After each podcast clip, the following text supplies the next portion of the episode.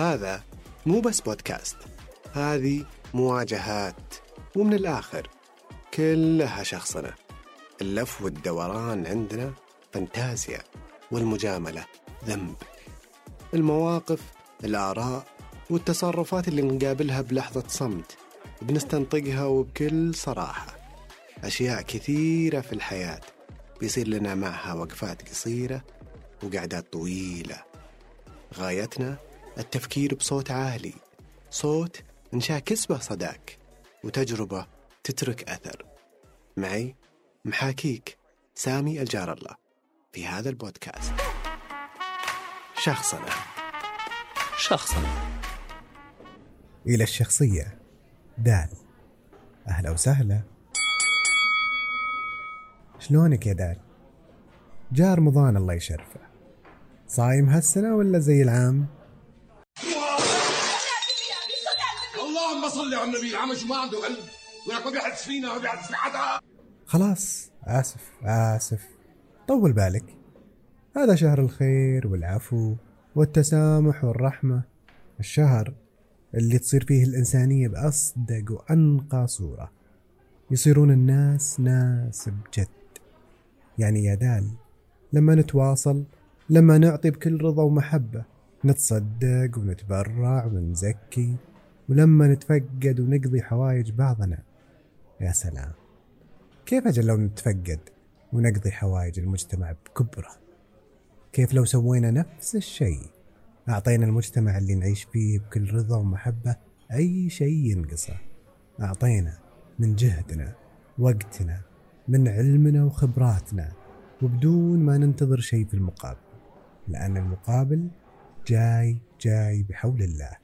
بيجي ثمر الكل فعل تمت زراعته بالتطوع. بالمناسبة سبق وتطوعت يا دال؟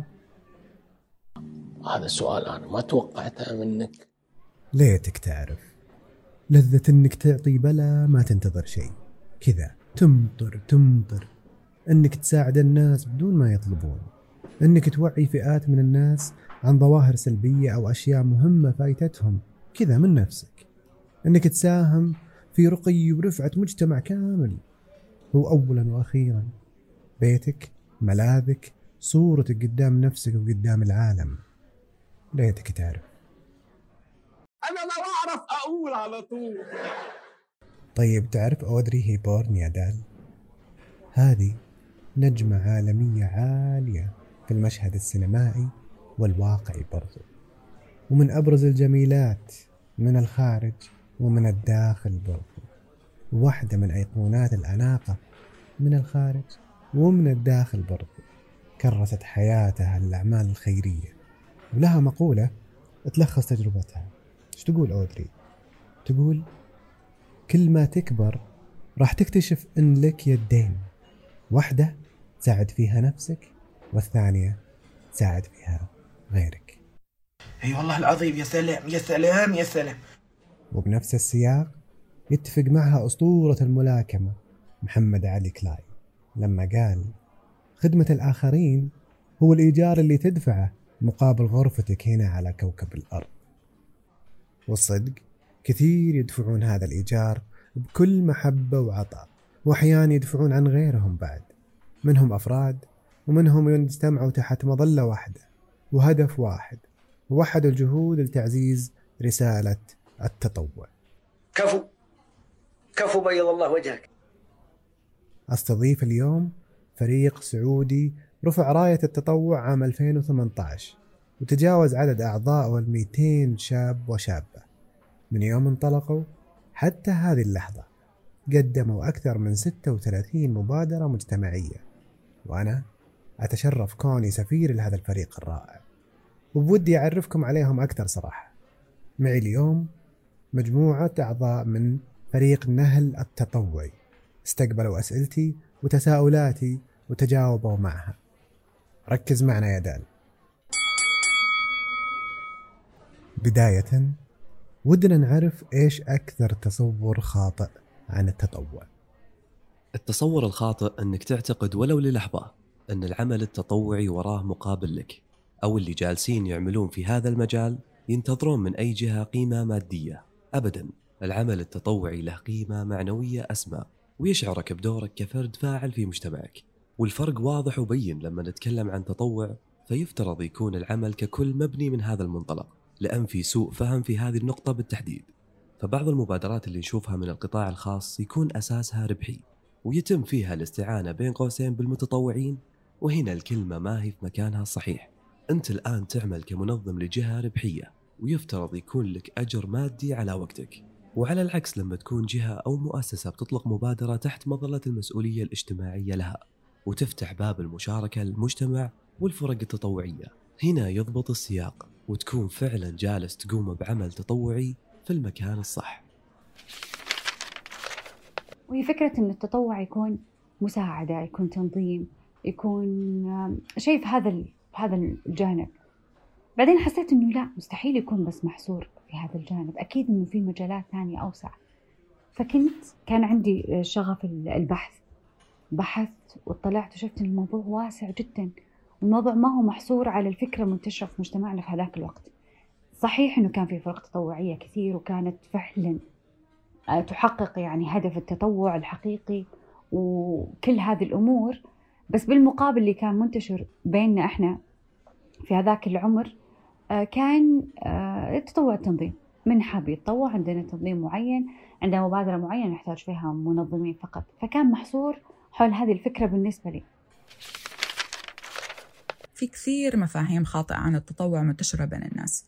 يمكن أكثرها انتشارا وتكرارا أنه التطوع شيء ثانوي غير ضروري. رفاهية حتى لمن يمتلك وقت الفراغ وكثير حيجادلوا أنه ليش الحكومة ما تقوم بهذه الأعمال؟ ليش أنا كفرد أقدمها وبلا مقابل؟ خلينا نرجع لتعريف التطوع بشكل جدا مبسط. هي أعمال تهدف إلى تحسين جودة الحياة للجميع. أنا كفرد موجود على هذه الأرض. أنا لي علاقة مع محيطي مع بيئتي مع مجتمعي. علاقتي هذه تفاعلية تكاملية مش أحادية الاتجاه. أنا زي ما بستفيد لازم أفيد. فوجودي يقتضي أنه يكون في هناك دائما سعي مستمر للتحسن وللتطور. وهذه مش وظيفة الحكومة فقط وظيفتنا إحنا كأفراد وكمجتمع بشكل كامل. وخصوصا مجتمع مسلم يحث دائما على التكافل الاجتماعي.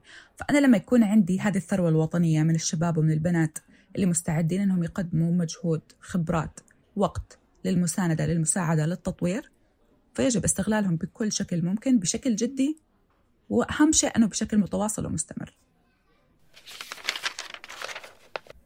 درب العمل التطوعي ما هو مفروش بالورود للأسف. العمل التطوعي يواجهه عقبات كثيرة. خلونا نسمع إيش أكبر العقبات اللي ممكن تواجهها. عندنا شباب رائع ومبادر والتطوع جزء من طبيعتهم الإنسانية والدينية. بس الطاقات هذه لما ما تهيأ لها الفرص الملائمة للعطاء والمشاركة من المؤسسات أو حتى القطاعات الأخرى بتكون العقبة الأولى هي عدم وصول المبادرات للمجتمع بطريقة محفزة وواضحة. وتليها عقبة أخرى وهي الاستدامة. كيف نقدم مبادرات بشكل مستمر ونستهدف أكثر من مسار ونلقى بطريقنا تقبل وترحيب من القطاعات اللي مساهمتها لها دور أساسي لدفع الشباب والشابات على المواصلة. وتكون جانب يسند ويرسم فرحة ويعطي أمل ومساحة نعبر فيها بمشاركتنا عن الخير اللي نحمله لبعضنا كأبناء الوطن واحد. أكبر عقبة يمكن هي عدم وجود. قوانين واضحة وجهة رسمية لتنظيم العمل التطوعي. توجيه الأفراد للجهات أو المبادرات التي تحتاج خدماتهم مثلا. فالآن بالتالي إذا حبينا ننفذ أبسط مبادرة الفريق التطوعي لازم يجيب فكرة ولازم تكون جدا مبتكرة. مع أنه الابتكار في التطوع حتى يتم تنفيذه مش المفروض يكون شيء أساسي. لكن هذا ما يحصل. لازم تكون فكرة مبتكرة. اثنين لازم نبحث عن جهة رسمية نستطيع العمل تحت مظلتها. ثلاثة الرعاة.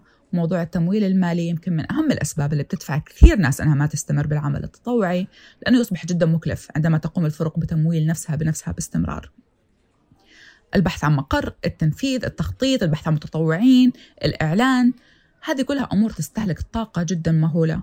الأولى أنها تصب في العمل التطوعي نفسه مش في الأمور الإدارية التي تقود لتنفيذ هذه المبادرة. بالتالي وجود جهات رسمية مختصة بالعمل التطوعي أمر جدا ضروري لأنها تساهم في استمرارية العمل التطوعي في تحسين الإنتاجية وبالتالي تحقيق أهداف المبادرات بالصورة المطلوبة. ممكن من أكبر العقبات اللي تواجه المتطوع أو تواجه الفريق التطوعي هو التعامل مع بعض الجهات الغير ربحية. طبعا بعض الجهات الغير ربحية تجهل كيفية التعامل مع المتطوعين أو بالأحرى تفتقر للوعي الكامل بأهمية ودور المتطوع بأنه يشارك الجهات بتحقيق أهدافها أو تحقيق أهداف مشتركة. طبعا غير أن بعض الجهات الغير ربحية تستغل وجود الفريق التطوعي إما في إنجاز مهامها أو استغلال بعض أفكارها أو للأسف ما تحفظ لهم حقوقهم. طبعا هذه من وجهة نظري أهم العقبات اللي تخلي حتى بعض المتطوعين ما يستمرون بأعمالهم التطوعية أو أنهم ينسحبون منها. على أمل بإذن الله أن يتم وضع نظام يعاقب بعض هذه المنظمات الغير ربحية في حال أنها خالفت أو في حال أنها أهملت حقوق المتطوعين. للتطوع أشكال وأنماط مختلفة نبغى نعرف من نداء إيش هي الأفكار اللي ودها تتطبق في المجتمع السعودي؟ من أكثر الأشياء اللي فعلا بتمنى أنها تتحقق وتستمر هي برامج التوجيه المهني والجامعي من قبل الموظفين وطلاب الجامعة لطلاب المرحلة الثانوية بحيث أنها تبدأ من أولى ثانوي وتستمر مع الطالب إلى أن يتخرج. طلاب الجامعة يتكلموا عن اختيارهم لهذه التخصصات. العبء الدراسي اللي بيتعاملوا معه طريقة الدراسة طريقة الاختبارات هل في تكاليف مادية زائدة مثلا في هذا التخصص؟ هل كان في مواد في المرحلة الثانوية؟ لو ركزوا عليها كان سهلت عليهم المرحلة الجامعية.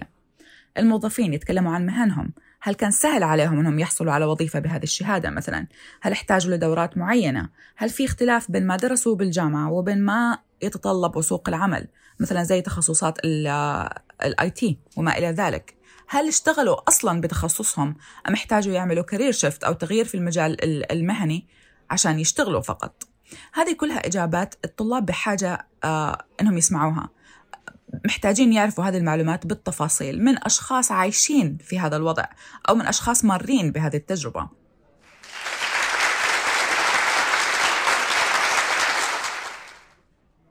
ما زالت النصائح المتعلقة بالمستقبل التعليمي أو المهني جدا تقليدية سواء كانت من مرشد الطلاب الطلابي في المدرسة أو حتى من الأهل. شاطر بالرياضيات روح أدرس هندسة. شاطر بالأحياء. تفضل صير دكتور. وخصوصا في الوقت الحالي وسوق العمل صار جدا كبير وواسع وفي مجالات لا تحصى. فأنت بحاجة لتجهيز جيل جديد.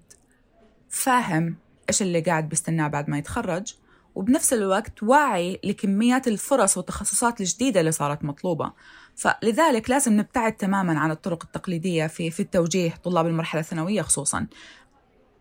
أولا إحنا بنساعدهم إنهم يحصلوا على مستقبل أفضل وأوضح.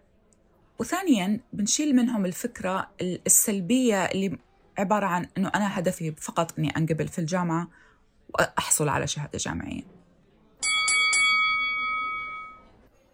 هذه الأصوات من فريق نهل ما جت من فراغ. زرعت بأعمالها وجهودها الكثير من بذور العطاء والتوعية واقتفت ثمار عملها بالتغيير الإيجابي. ومثلهم فرق تطوعية أخرى كانوا وما زالوا يسعون ويمطرون يمطرون عشان هذا المجتمع يزهر ويثمر. بكل شخصنة شكرا فريق نهل ولمن شارك منهم في هذه الحلقة نداء وادي مشاعر القحطاني عبد الرحمن العبلان مشاهد تركي والجندي المجهول نهى عبد الله وأنت يا دال بإمكانك تخلق فارق بإمكانك تدل على الطريق الأنسب اللي ممكن ينقل مجتمعك من مكان إلى مكان أفضل ومن مكانة إلى مكانة أرقى. وهذه فرصة من الله. فرصة كريم إن كل إنسان يبقى إنسان. بالفعل. ما يكون بس إنسان من اسمه. الله محلى العمر والناس كالبنيان يشد بعضها بعض أعواد في حزمه. وأخيرا وليس آخرا يا دال تطوع جرب المرة شعور أن تكون قيمة وفي النهاية مني ومن أسرة بودكاست شخصنا كل عام وأنتم بخير وشهر مبارك. تقبل الله منا ومنكم صالح الأعمال. الوعد الحلقة الجاية وراح تستمر الدعوة. شخصنة